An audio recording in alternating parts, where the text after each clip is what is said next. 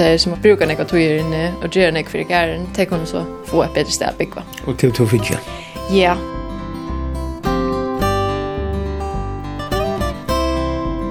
Man er alla tvinnar rundt av noen ting som er i hundra år gammel, som er sånn verslig.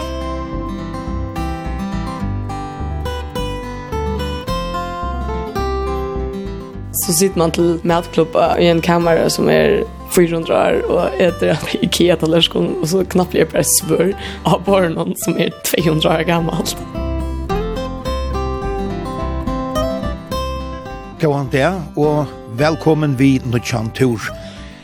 Innanfyr hesa reiomurar hevur uh, i 400 år veri eit brusande ungdomskate og ein fellesskapur som tidje hever veri til onkelstene. Her hava til samans nekverføringar bo lestrar Arne, og her har vi flere minneligar løtur og i okkara søvå. Det er ikke avnæg sagt at her er vøkkan tja tjåskaparrørslene i fargen, og her var okkara flagg fire møyre enn hundra åren sujane vust fram allment fyrst og fer. Hette er studentagæren Regensen og i Kjepmannahavn, òsne røptur av gære, bant vi rundatorn. Her boa nekver gaveier og eldhoeier unger menn ur Danmark, Førjon og Íslandi. Og i flere hundra år var bæra menn her, og borster ur kom og middelen anna lærebøker om søvo og bøkmenter og i hesson London, nekrar avtømmen eldstå vi kjenna. Ofta vil sagt at de som ikkje hava bo her, hava torført vi at skilja løyve her og gære. Følger åtto fast, tvei plåss, Ulrik Hansen er framvegis studentagerur etla kollegium og nu bægir fyrir kvinnor og menn. Tei halda framvegis fast vi nekvar av tømmon gamlo og sérmerto synon. Nú byggva fem føringar her og gære, trúi av dæmon er heima i det, og jeg heve en avtale vi teg. Her er træt, færa tvøyr, og jeg heve bo her fyrr, lestrar arne, et grøya fra. Tør er og Jekvandi Hansen, filosofer, og Tedru Elitam Olsen, prestor. Hette er vi Tore og Tore, og Gære og i Kjapmannahavn.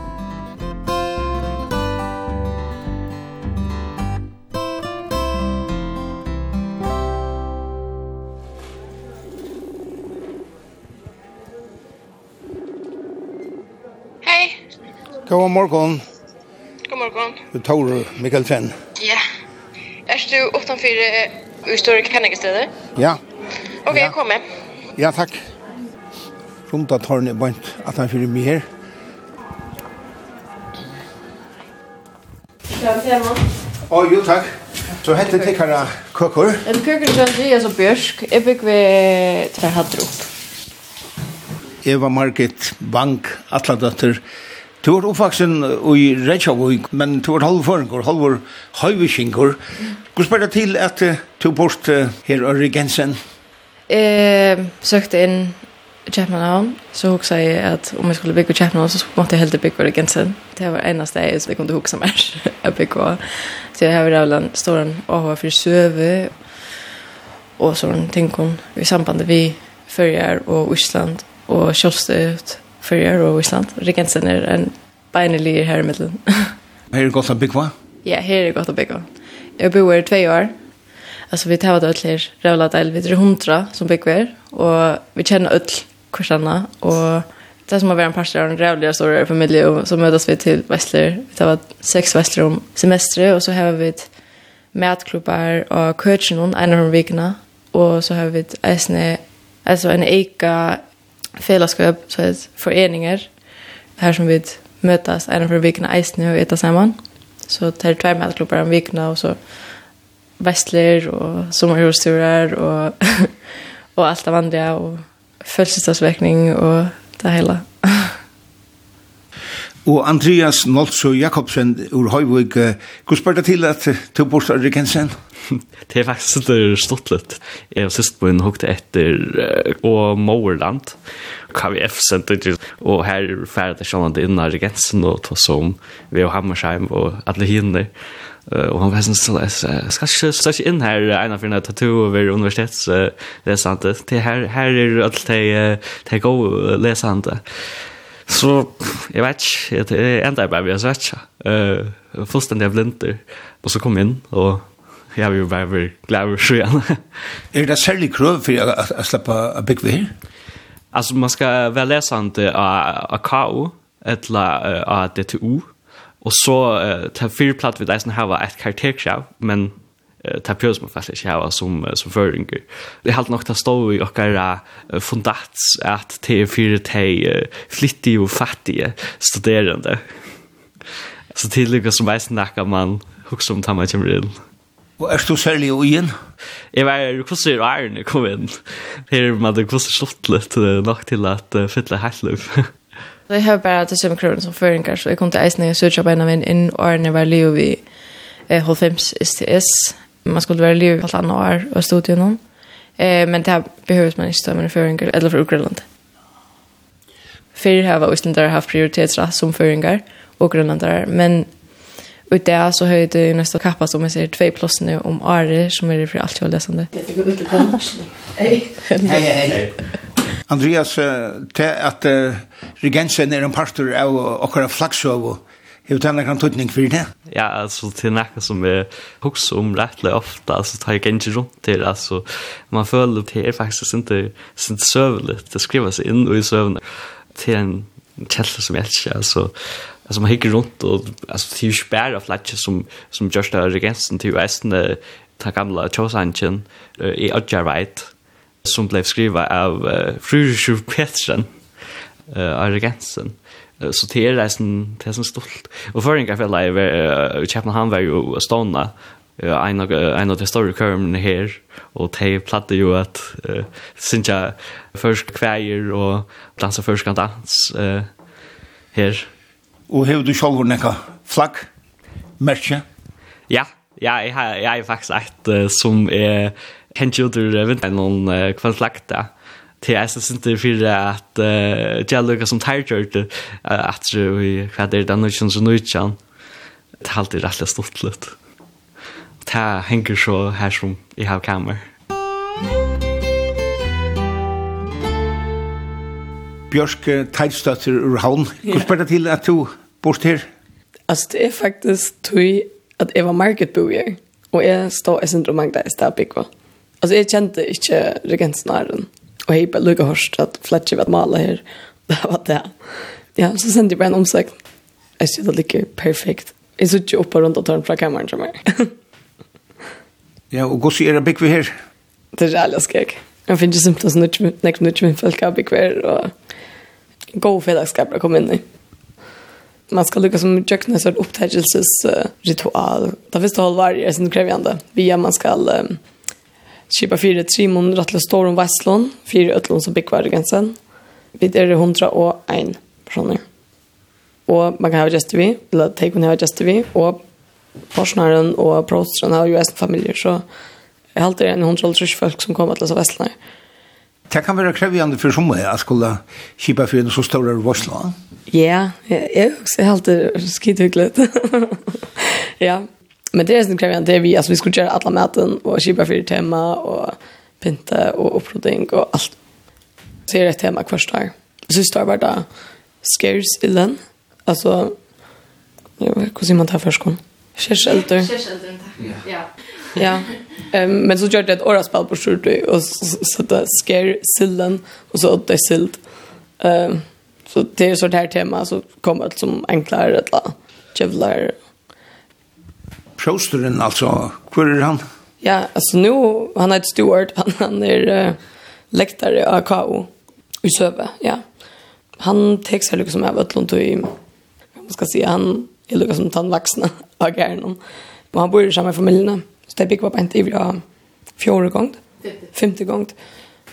Så han er lukket som en fyrstående maur? Ja, det må man si, og han er kämpefyr, men han, altså, han er alltid utgivet trutja bøker, och arbetar som läktare av KO och underviser. Og... Så da man flytter in så bør man bli over till um, Prostet som är en dövre egentligen bara hemma til honom. Samma vi familjen til honom. Här er han lukket som blir en välkommen och vi är alla inflyttare så vi var uh, Adjan. Vi är alla största inflytande allt. Och så Jag känner just underhållta vi omsökt någon tjockon och så som vi har sent. Vet så brukar han nästan till folk och så det syns skräck. Han textar lika som är ötlen till byråkrat ska vi hur man alltså Thomas ska flytta in och så han vi ju i processen att välja folk kvar släppa big kvar. Vi tar två klockor för att vara en. Och så det sista 20 åren har jag valt att två till 30 klockor. Klockan är så en ansikt regensen ut, alltså klockan är tar som nabekon är kontakta om det här var några klia om som larm att locksläs men det är inte det som hjälpa inflytande att halta såna västler och stanta för öll som mot hejskol stanta och fyra och så är det så en iver till sociala på en måte här som att här hjälpa dem forskjellige impatene av å komme ved til vi teva. Altså rettelig nek impate enn 34 vet loksle, jeg vet ikke hvordan nek vi teva, men man har vært empatene, Origensen, og ta imes empati. Jeg har vært bokasansvører, eh, som bibliotekar, og BOV, som er sånn høyre hånd til eh, akkurat eh, Porsner, som er en pedeller. Han bor i Esne, Klaus, som er familien som ser. Og så har vi imes ånder, ting vi tar empati som har stendt for porselen, passer på at vi tar nok porselen til så store vestlener, og en på det fäktemester, du det här var en sån stove som man kan leja till matklubbar.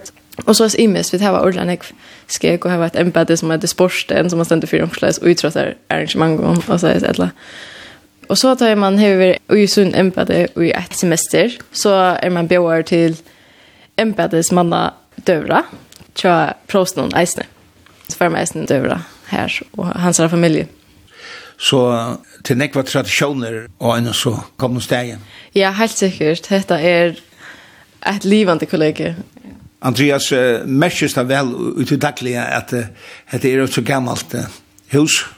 Mm, ja, Sjalt om vi, vi pleier å si at, her, at uh, tradisjoner er ofte bare fem år gamle, tror jeg at han ikke kan så lengt at er personlig i en forening som er fra 1845, lika som vi tava rättliga nekv ting som är rättliga gommel och rättliga nekv dokumenter som är rättliga gommel och sancher alltså som man är man är alla tvinnar runt om ting som är i hundra år gommel som är sånt mestligt vakar gamla slokan är först mellan Lukamann och första regensen. Det forteller kanskje nekka om hvordan du kan få en holdning vi har haft til sjåvan at du er ikke noe som så har vi det en forskjellige uh, søvelige ting som vi kallar for uh, relikvier til alt mulig uh, mersel ting. Altså helt nok, jeg har, bare nå så har vi et hånd og her vi har en, uh, en Buddha uh, statuett som heter Hassan. Han er det sinter rockare vaktar uh, angel i rocken. så det det är sånt mersel så har vi angel. Jag har inte funnit några uh, forskjellige sanger som var fra byrjan av 1900-talen, og det eneste som vi tar er fra 1800-sjefers. En morgonsanger som man synger en tamma fyrir ut i skoven, man, en drekse mot.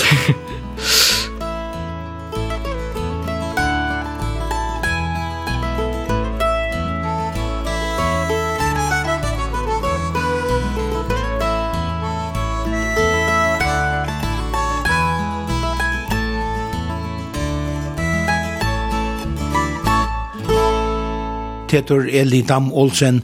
Jeg skiljer at uh, fra byrjan av hever vært en særlig stolskipan for til lesante som hever bo av Regensen. Ja, Regensen er uh, et slag av en gamlun SO, kan man si, en utbyggvingarstole som uh, konkur setter skilte.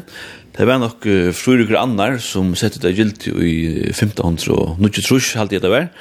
Annars halte jeg det var Kristian Fjore som bygde uh, Regensen, eller leta bytja. Henne skipanen er et altså, funt år som kommuniteter, og det er jo samme oppgrunna som år kommuna, eller det er bare felags om okkurst. Kommuniteter var en lestarstol til ungar menn, det var det, tøytøyne, som eh, kanskje ikke åtte så nekka penger som var ubemidlede eller fattige, men som kanskje hadde vist uh, gode evner. Og så fikk der møveleikene at få anten mæt eller, eller penger, og et sted bygva mitt inn i København. Først årene halte jeg at jeg fikk en bita at eta om dagen, Settene så fikk de uh, leserstol, og jeg kan nevne som døme at jeg halte i 1800 fursen og her, så fikk de en uh, 32 kroner måned alltid at hun kjøper mat fire. Og henne kjøper den vart til hans lunch, hun vart en hundre år, halvt til å bli avtid i furs, Ta kom husaleie inn og begrenset, men sånn, ta i SO er snill for skilt i nøkker år. Men husaleien, hun er da, man kan si at uh, begrensen er en slag av en stole til lesende. Jeg kan nevne til uh, stortleika at hemskjente filosoferen Søren Kirkegaard, Uh, han slapp nok ikke big for Gensen til at uh, papen åtte for för penger. Så han var ikke, det man kallar för fattig eller OB mittlet. Han slapp ikke big for, men han vidt jeg nok ofte inn i her alltid. Og det viser at man uh, alltså hever vært nok så framalige langt i 1500-tallet.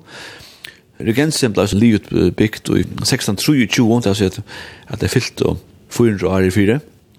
Og så kom andre kolleger reisende, jeg vet at uh, Brugjeshospitalet reisende bygd av uh, kommunitetspengen fra staten. Og så kom reisende et sted som et annet studentegården, her er flere føringer reisende jeg bor, og kvinner i gensen kom reisende, så til er flere kolleger. Og, i så med gøte som gensen, og i store kan ikke se etter i København. Her litt reisende flere av de gamle kollegene, og Langt nere ligger nok det eldste kollegiet i Ugenhavn som heter Valkendorf kollegium. Valkendorf, det var han som lett Magnus Heinesson holdt høyja, til som er en annen sjøva.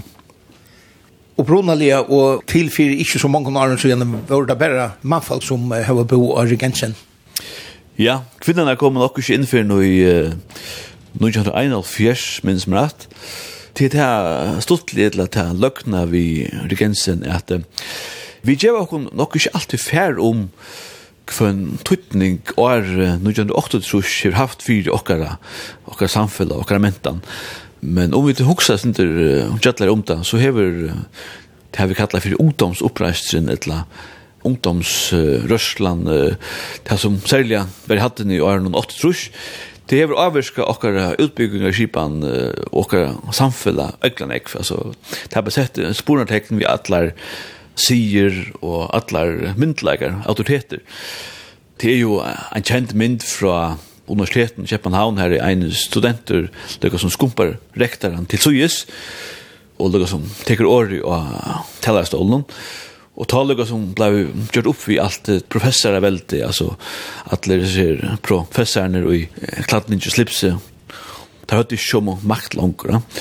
Og ta halt i alla disse gamle tradisjonerna og på godt og ønt lukka som kurv og er av de fleste og kollegene og i København og Ærestedan med landa veit jeg at at tog som eitir sto denne gården her var eisen flere ritualer utland tradisjoner og er en 8 trus men det kvarv alt 18 8 trus Men det som man har sagt er at bortsett herfra tog jeg kvinner flyttet inn av gensen i 1,5 så lukka som rein 8-trus i kjøle vi av regensen, altså så at regensen hever varvait at det mulige løgnar sier og hva var det? Og er det kanskje akkurat her som kjer regensen til nekka særligt, at man er helt fast ved alle disse gamle tradisjoner?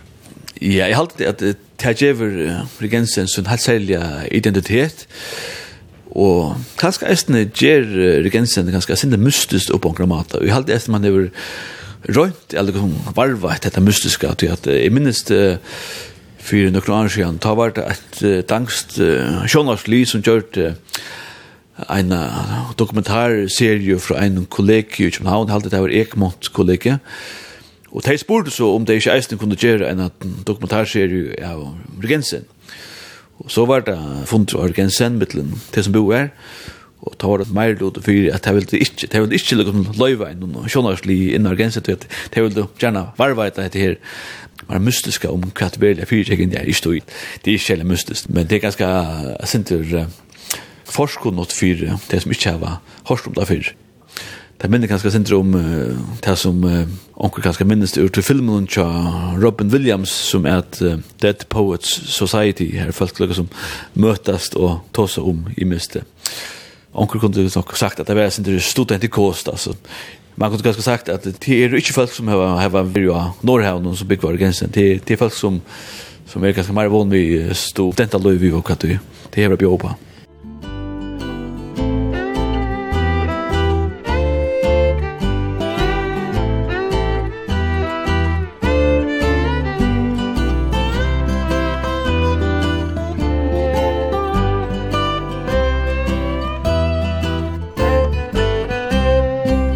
alltså det första fälla är veckor för en mina 1800 och 20 som man nu kallar för gamla alltså det 1800 tal och så var regensen ett helt annat ställe. Det var ordliga strängt och och så alltså det var ju socialt och regensen i 1800 tal och den här veckorföreningen har gjort som ett protest emot det tog i bannon som har konkurren sätter för att man inte måste ha fel.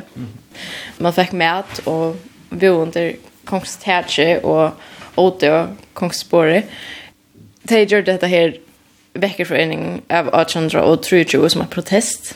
Og formålet vi vekkerforeningen var at vi att vetja studerande till för kyrkorna och promovera om sånne där. Men så vi tog inn det så hur det bara blir det socialt fällskap att ett eka socialt fällskap som man har och är någon ett annat än tunn köker en fällskap som du väljer och heldig fast du i allt ditt liv och urgensen. Grund til det eiter vekkerforening är ju tog att uh, man är gamla tog hon uh, vill det tog er för att man kom for sent av universitet och morgenen er, tog annars så vant det ett båt från universitetet noen. hver morgen var det en eller tvær fra fella som, som gynner rundt og benker på hørene og sier, nå skal du opp. Og i min arkiv fann er en som fortalte om hvordan det er platte at uh, genga rundt og vetja folk opp. Du vet, min forening er faktisk en gammel vekkerforening. Uh, og så er det så leis. Uh, vil det benka uh, tverferien opp her, og så sier uh, herre Morsensen, du skal opp nå. Så kan ikke det vi gjør til uh, neste hurna. Det er et skrapp, et annet fella, ja. Det her var svøre, som er et ordentlig svør.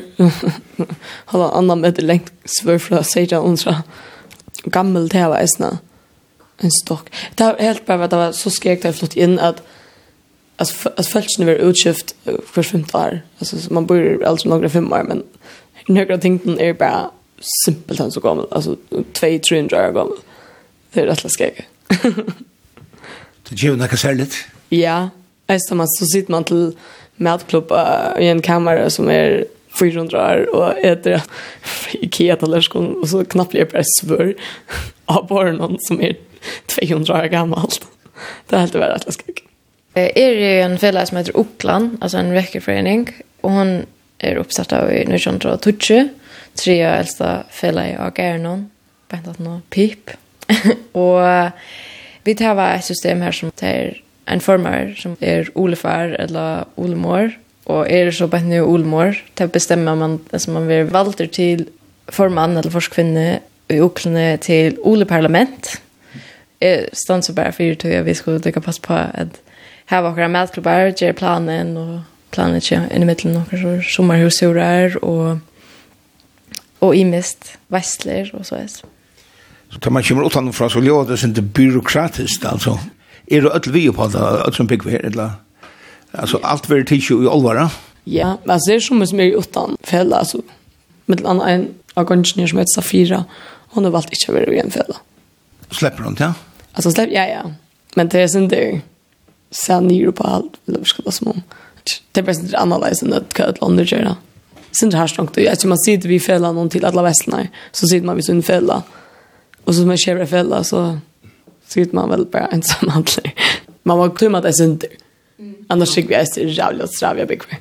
Jag helt faktiskt till det inte ta omvänt att du kan komma in och vara sånt där smägen och och stå så väl vid sociala fällskapen och så vill du bara skoppa över in och ut.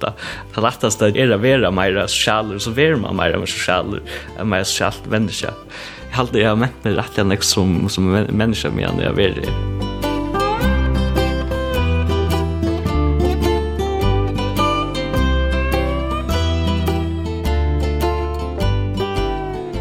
Jekvanti Hansen, filosofer, to bo av regensen, eller av gære, som også ofte har vært tidlig til, søgnast i 8-10 åren og fyrre parten i 9-10 åren. Hva er det særligt helde to er vi regensen? Ja, jeg heldig fra en av første kjønnerhattene, så er det jo veldig spennende at um, kjøskaperkjenslan og alt det tøk seg opp her, og det førska flatje, det ble så både fram her, første, første sinne i, i Nujjan, og føringarfellene. Og også til at uh, nekker føringar her var jo bo her og haft et tilknytt til steg og, og kjenne det på den måten. Men hvis man hikker synder på søvna, så er det jo Christian Fjore som leta bytja. Han let som mekt anna bytja øsne. Og regensen er fra, hvis man skal ha hatt precis, så er det fra 1. juli 1623. Nå er det til at i 1628 Det var en stor eldre Kjeppmannhavn, og parter hadde brent og ble så bygd opp at. Men um, regensen som det ser ut i det, det så kan man si fra Ims kontorjærskøyen, og det var så først i 1971 at um, kvinner stoppa ved vikvær. Og regensen er ikke veldig gammeldags og immun til eh, andre kolleger, moderne kolleger, til dem har man ikke um, bæ og så har det inni kømeren, men, men det må man så leve av i. Fyrir var det så løs at um, for jeg slipper inn her, så skulle du ha steg i første pars, kanskje vi hamlet utslutte, men det var en undantaksregla for føringar. Føringar hadde rett til tvei plass, og tar kunne komme bøgnløs inn, og det var ikke fyllt til at frastøven fra heim, heimlandet var større og alt det der. Her hevde du så rett til å bygge i, i fem år, og helt opp til um, 1903 var det avkjeps av byggvær. Og så kom husalaja, men altså, han er ekvillig beskjed, det må man så si. Og regensen vil løyd av en såkalt om prøst, regensprøst. Han er lukka som fyrstøvme her nære. Men jeg kan så nevne at uh, da jeg bor her, sørste i 8. åren og fyrst i 9. åren, ta var det en professor i Godfrøy, som og kyrkjøsrøv, Leif Grane, som var prøst. Han var en nekvar. Men så er det et annet fyrbygd, og det er klokkar. Klokkaren er ein av dem lesande som ver valdur av dem lesande til å lukka som at loja et halvt år sen. Han hever så en, en klokko som er ringer i. Han skal føre ankra protokoll og sånne, men han skal også skipa fire til er tiltøk av forskjellige slag. Vi vet at uh, Nei, vi kjente føringar her på Regensen, ikke bare Jekvann D. Hansen og Kjetur Eli Dam Olsen og R, men det var nekvar føringar legender på Regensen. Jeg har hva kommet sin inn av Jørgen Frans Jakobsen. Det er så nek skriv om Regensen, og for faun og Arnsen kom ut en sånn stor og glaslig bøk som heter Bak det gule more, Så hvis man drar over ned, så stender alt om regensen her. Men hvis vi nå prøver å se det der inn i, jeg leste brått ur uh, nå utan Stunden, Jean Jacques Depes, her han lukket som lyser byrjan av um, tjauskaparrørslene, eller tjauskaparkjenslene. Og jeg siterer, Det er vanligt og skila godt å se at det er avgjørende framkommende av tjauskaparkjenslene og tansankskalskap som ur hennes spratt til hin minnelige funden av regensen – et lag gære som føringar heva kallet hentan gamla studentbostad. Sånne dagen i første inngenge 26. februar i 1876. Ein nutjer ante og nutjer tøvnar koma fram ut av iskjengom som gjør der til hesa samkom. Det var tar bare førske studentene Fredrik Petersen, som les godfrøye, og Jan Gudmundsson Effersjø, som les lakna, og høyde bøy til samkomna.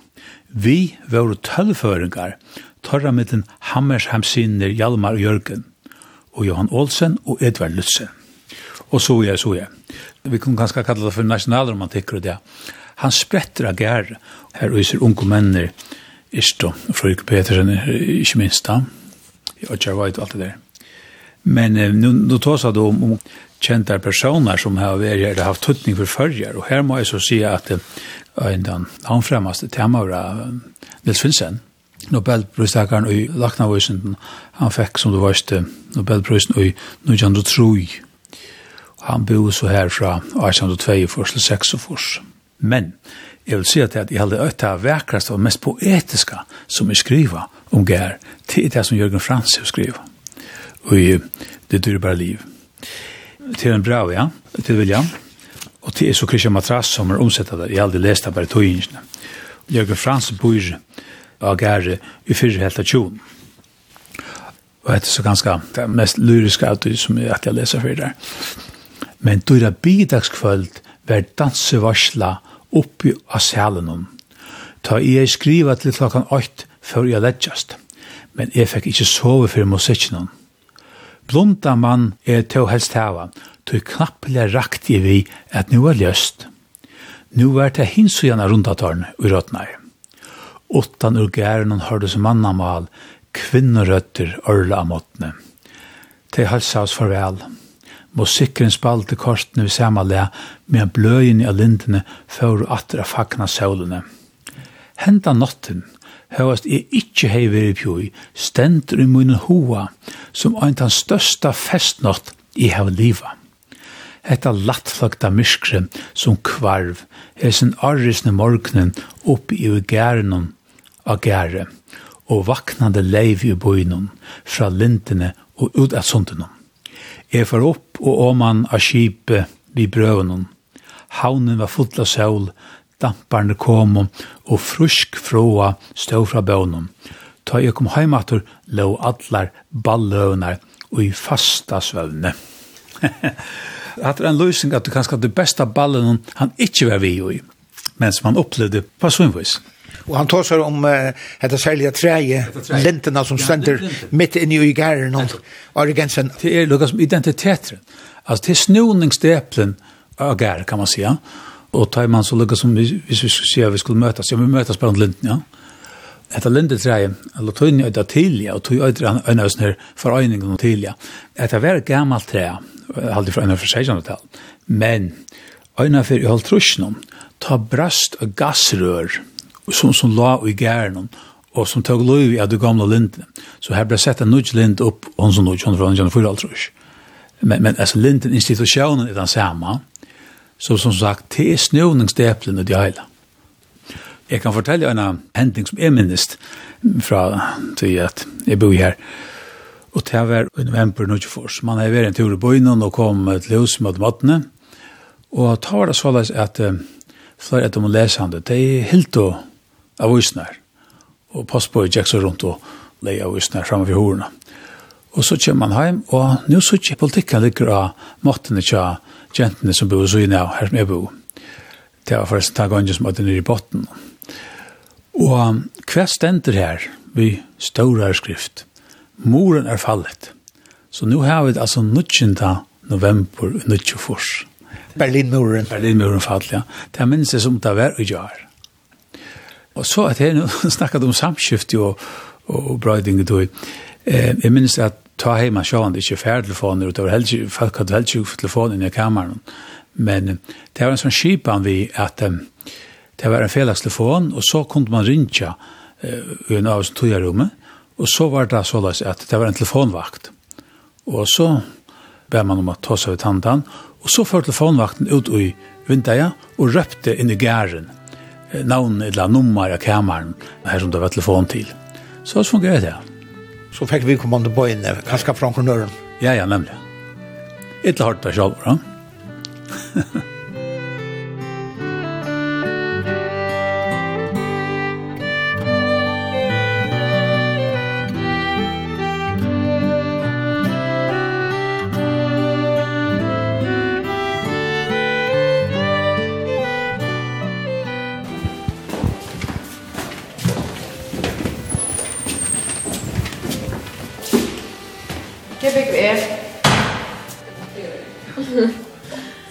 Eva Margit. Det er skil galskapen om. Ja, ja. Det er det eldste av vera. Jeg vet ikke rævlig. Jeg har ordentlig ikke oppklare av kameran nå. Det er Olmor. altså folk kan være oppklare. Kallar du folk inn til samtale? För oklna, nej. Det gjør jeg ikke nok. Men vanlig å ha så her horene, så får jeg et litt flørstene til oklene. Så om folk vil gjerne være by i oklene, så, så skriver det mer et flørst. Gustav. Det vi vet här var en, en sån tradition vi att vi kommunikerar om vad vi är fel och vi vill vara i eller kvön vi vill ha i och våra fel är via sån flörst. En ska ordet flörst som tar man visar av Och så får jag såna gaver vanliga bara i form av uklon och horna och ett namn ett locksläs. Alltså jag har alltid så rölt där. Det blir en minnekammare för man söker vanliga bara nu kommer och så får man alltså poäng för hur ser empaden som man det tar som. Och för så här på inne så så kan man söka kommer och få kommer alltså det så det kommer an på hur så att så att vi hålla löv och i det sociala så att det är sånt system så det är som brukar några tojer inne och och ger några för gärna ta kon så få ett bättre ställe bygga. Och till till finja. Ja. det är jävla glad för det här. Det var mest för den stora köken jag sökte det här kameran men det är en god utsikt och dejligt fällskap på sådana här gångerna. Och Patricia kan gångerna. Jag bygger av Island är originalfolk. Jeg er alt som nött dem i min gerandes dag. altså hvis ikke det var fri av det bor her. Altså det gänger opp på det mest spøyse tingene, og er bare det aller beste for sitt øde. Og i omkring simpla som helst. Alltså sånt ordla nisch. Det är som Albert, han, han är jävla stor för astrofysik. Och sen eh, Katrine, hon tar så jittisk. Oh, ja. Och det var ett perimiskt ting som alltså följt då ordentligt ting. Alltså att Albert han är så stöttneforskare. Och det som han arbetar vi på nu är att alltså han har möjliga funna en mat man kan berokna hur gammalt universum är. Och han är den enda i alla världen som, som är så längt ut i gränskynserna. Alltså en läsande? Ja. När jag gång vi skrev upp sympatiet har akkurat vært i USA og undervist av en universitet der, og i tog som han granskar det. alltså jag har alltid under livet och mött en person som var så lengt inn i en velte um, som ikke var mot ekna. Altså, Hvordan spør det til at, at de folkene samlas her? Alltså jag allt det att de som har ordentligt står en AH för att ut läsa, de söker här inne, du vet att vita att det här är ett ställe som är sövliga, så här har vi varit för det gode lesande eller så är så om man har AH för söve och man står en AH till man läser så söker man ofta här där är en jävla nick som söker och så väljer vi det som är bäst eller så är Följer att man har där går med olika att egentligen fördjupa sig i sin visste eller i sin studie till att aspär ett till att huvudsalagen så på liksom man är som man kanske inte nöjsta arbetsvinnare av sån och kan ganska välja sig några studiejobb som är mer relevant för att man atlas arbetar vid att man blir ordentlig vuxen. och så är man så där går med och att sparra vi ånder. så tar man är alltså det att finna någon kan att spyrja om bra. Vi det är så nek som bekväm och ödlig så rärliga hjälp som och ah att ja. Det har bara gått att säga. Alltså nu är det bara tre semester själv. Men här är det folk som är med sin stod någon som är kommit näck långt ner och så kan jag alltid visst nu att det är också som är körda skilja eller och som jag aldrig ring så kan Lukas bara lukka leip i kameran vid sinna og spyrja et la gønnsjen og piver og spyrja omkring som er kom langra studien enn er. Og så synes jeg alltid det er vi utlån Jag har alltid eisen att, att detta här vi vil hava ut til ståren og hva vi vil gjøre det gjør det, selv om at det for alle følelsene er så original och og alltså altså det her ordentlig interessante AHA-mannene, så har det stadigvæk att vi har så redan till til felaks, tog vi kan gå på ut det som man vil gjøre man får ju sen skjutla bra, mer original ta man för sig. Det är sån där vi att lyckas som man man kan skriva några gränser som ankt när hända tänker in som ankat du vill hämta i ta vanliga samhällen någon. Det är folk så som måste in för det som avgörda. Ja, alltså vi det var husamöte fyra förenar om året cirka, alltså regensrådsmöte. Så regensrådet, det är det som vi drar bara ut Men här väljer vi det som för att sitta i upptäckelsesutvalgen. Så du blev vi och funnit något tung? Ja, omvast. Hej, Kom igen. Okej. Peter Eli Dam Olsen, uh, mittelføringar er regensen uh, kanskje mest kjent i samband med akkurat flagg. Først og fyr uh, ble vist fram allmänt. Det var ute av en vinter ja, av en kammer i Oregensen. Så stod atter Oregensen til to bo her. Ja, og så hadde folk visste av det, men jeg sakna i tar selv at man kanskje gjør det mer varst vitt. Tog vi hørte ikke om det, nekka søver, om uslendikar som hadde bo her, vi hørte eisne om uh, Jon Sikersson, uslensk og hetsjna, tjårhetsjna, men eisne om uh, Jens Oliver Lisberg sjå det, og og han sier vimmen. Men uh, det hendte det om sommer tog, tog jeg bojer at uh, min gode vinner Troels fikk et uh, legat fra Brigensen. Det var noe sort uh, stuttlet legat. Han fikk det fire av vera, han han var faktisk. Han var en vanlig lesande som bojer, men som gav Brigensen nekka særlig. tog at han, uh, han visste nek om nek særlig ting. Uh, sälja det ska han han sälja vita om spårvagnar i Europa. Han diska ska en flugg i Europa. Og så diska han nästan mål og han lærte sig nästan först vid att läsa timmalatning i Nebogostan han är ankat vid för han er ju snäga tillsnöjd för helt men jag tror at han lærte seg først så visste han nästan nek om det första flatje Han fikk så et legato på en halvtid, tusen kroner. Han får nyan og flagg, eh, fabrikerna som la närandes, og kjøpte en förflagg. Och sier det fyr er gensen åtte merske. Og så hilde vi uh, nekker som bo her at uh, sjåan du skulle vi halta ta førska flakta inn. Og det gjør det så til at vi trutjer Troels og Flowen Tornes og i Kjolvor fire breika av en uh, førskan flakta i halte til vi ganske i 2008 aldri.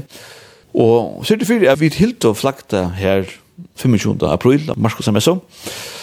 Og jeg minnes godt at den første roaren, det var uh, Flowen Eidsgård.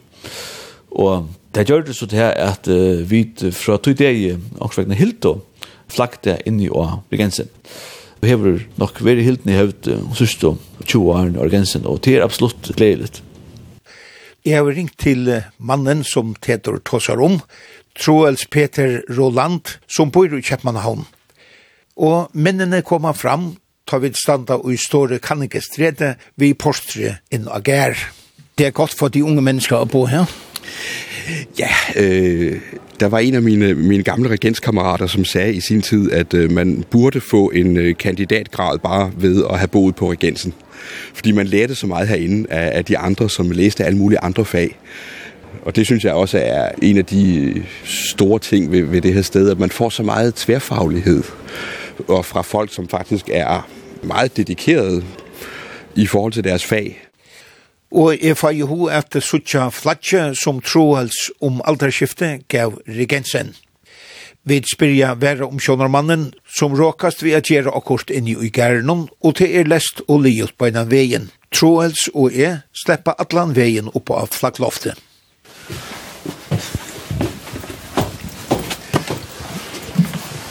Vi er jo her. Ja, ja, ja, ja. Merkje. Her er flaggloftet nå det ser ikke ud som, det er gemt væk. Nej, det er du ret i. Jeg var også øh, regens flagmand i tre år. Jeg har det jo fint. det ser godt ud, ja? Og det er jo også kun op en gang om året, cirka. Det kan nok holde mange år endnu. Ja. det hænger her sammen med. På linje med det danske og det islandske hejser man det. Der er sådan en lem i, i loftet der, som man stikker hovedet ud til flagstangen, og så... Nemlig. Fint.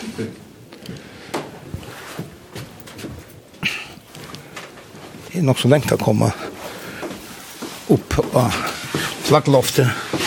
Men det er det er som er så kjent. Merkjent. det er jo et kendt sted, og den ligger jo også meget sådan øh, på en fremtrædende plads, kan man sige, her lige over for Rundetårn. Det er jo det kollegium, som var i, i centrum for studenterlivet i, i flere hundrede år. Faciliteterne er jo ikke så moderne, og det er ikke alle, der har lyst til at bo et sted, hvor de skal gå i bad sammen med naboen. Men øh, det skal man sætte sig ud over, fordi øh, så vil privilegiet begynde at åbne sig for ens øjne.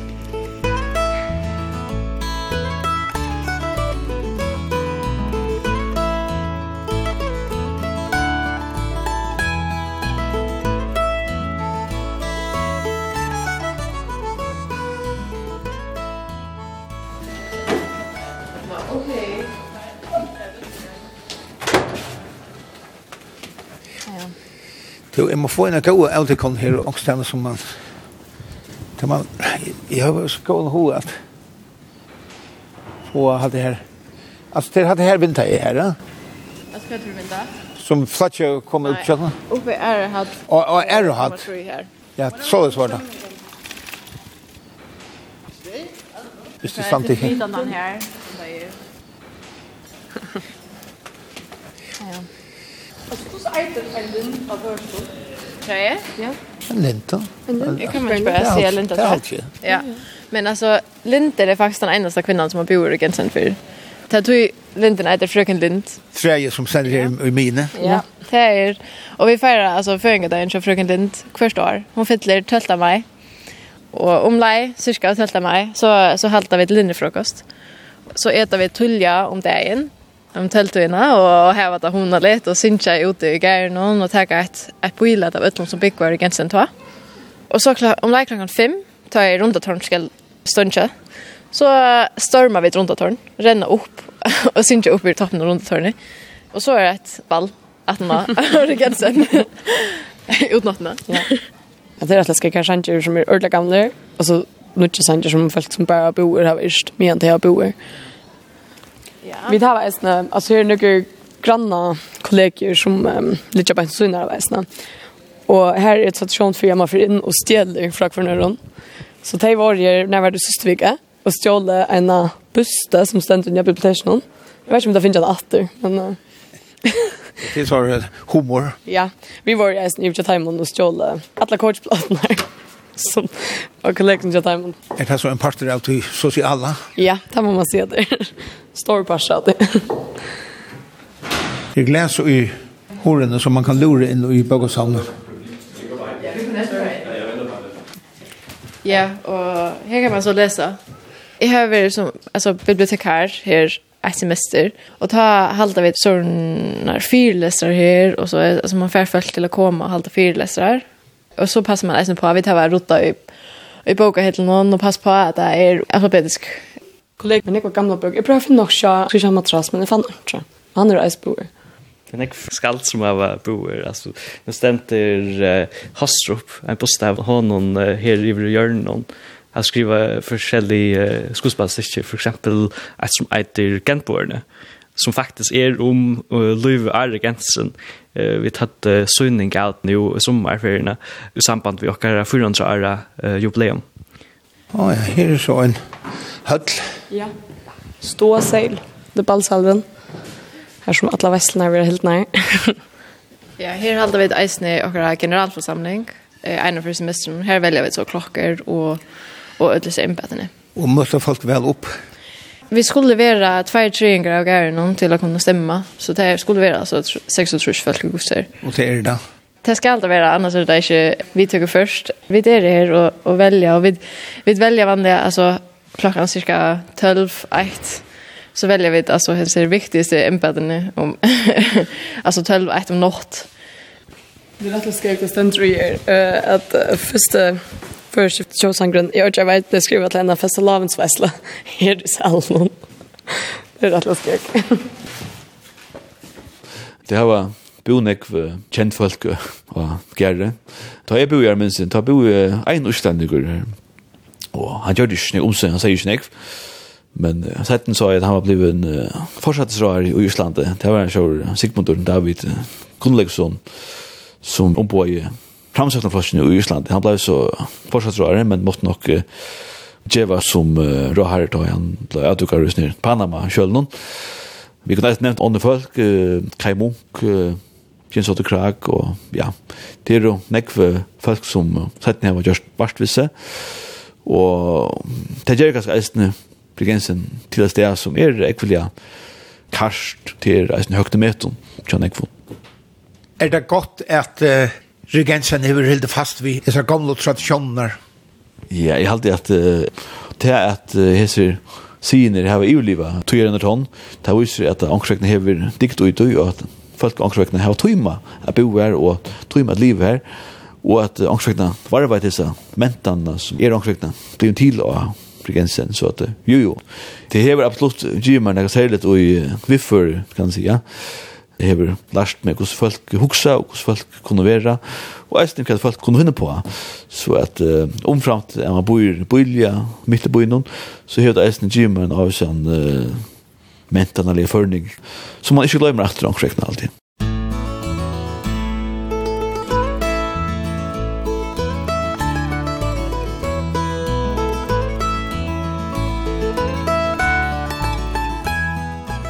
Hetta vær så vi tåre og tåre og gære og i Kjeppmannhavn, som heie 400 åra halt og i fjør. Vi haltu og tru av tømmen lesande som byggva her, Tei var Eva Margit Bank, Atla døtter ur Høyvøk og Rettjavøk, Bjørk Teitsdøtter ur Havn og Andreas Nolso Jakobsen ur Høyvøk. Og en annan Andreas, Andreas Poulsen ur Fokla 4 og Rune Olsen ur Havn var ikkje stater av regensen, nå er vi ikke her. Og så heter jeg òsne Jekvandi Hansen, Tetor Elidam Olsen og Troels Peter Roland som bo og gære i Lestrar Arnon.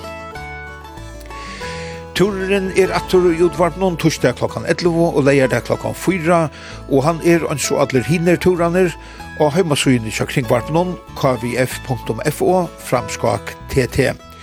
Og han er òsne som potvarp. Vi taure og taure hever sujo av Facebook. Tu erst sjølvsagt velkommen at dame henne, så sagt du til og her er mynter, videobrot og anna fra turen om. Vi er lov og høysa, høyrast vid atur om øyna vikån.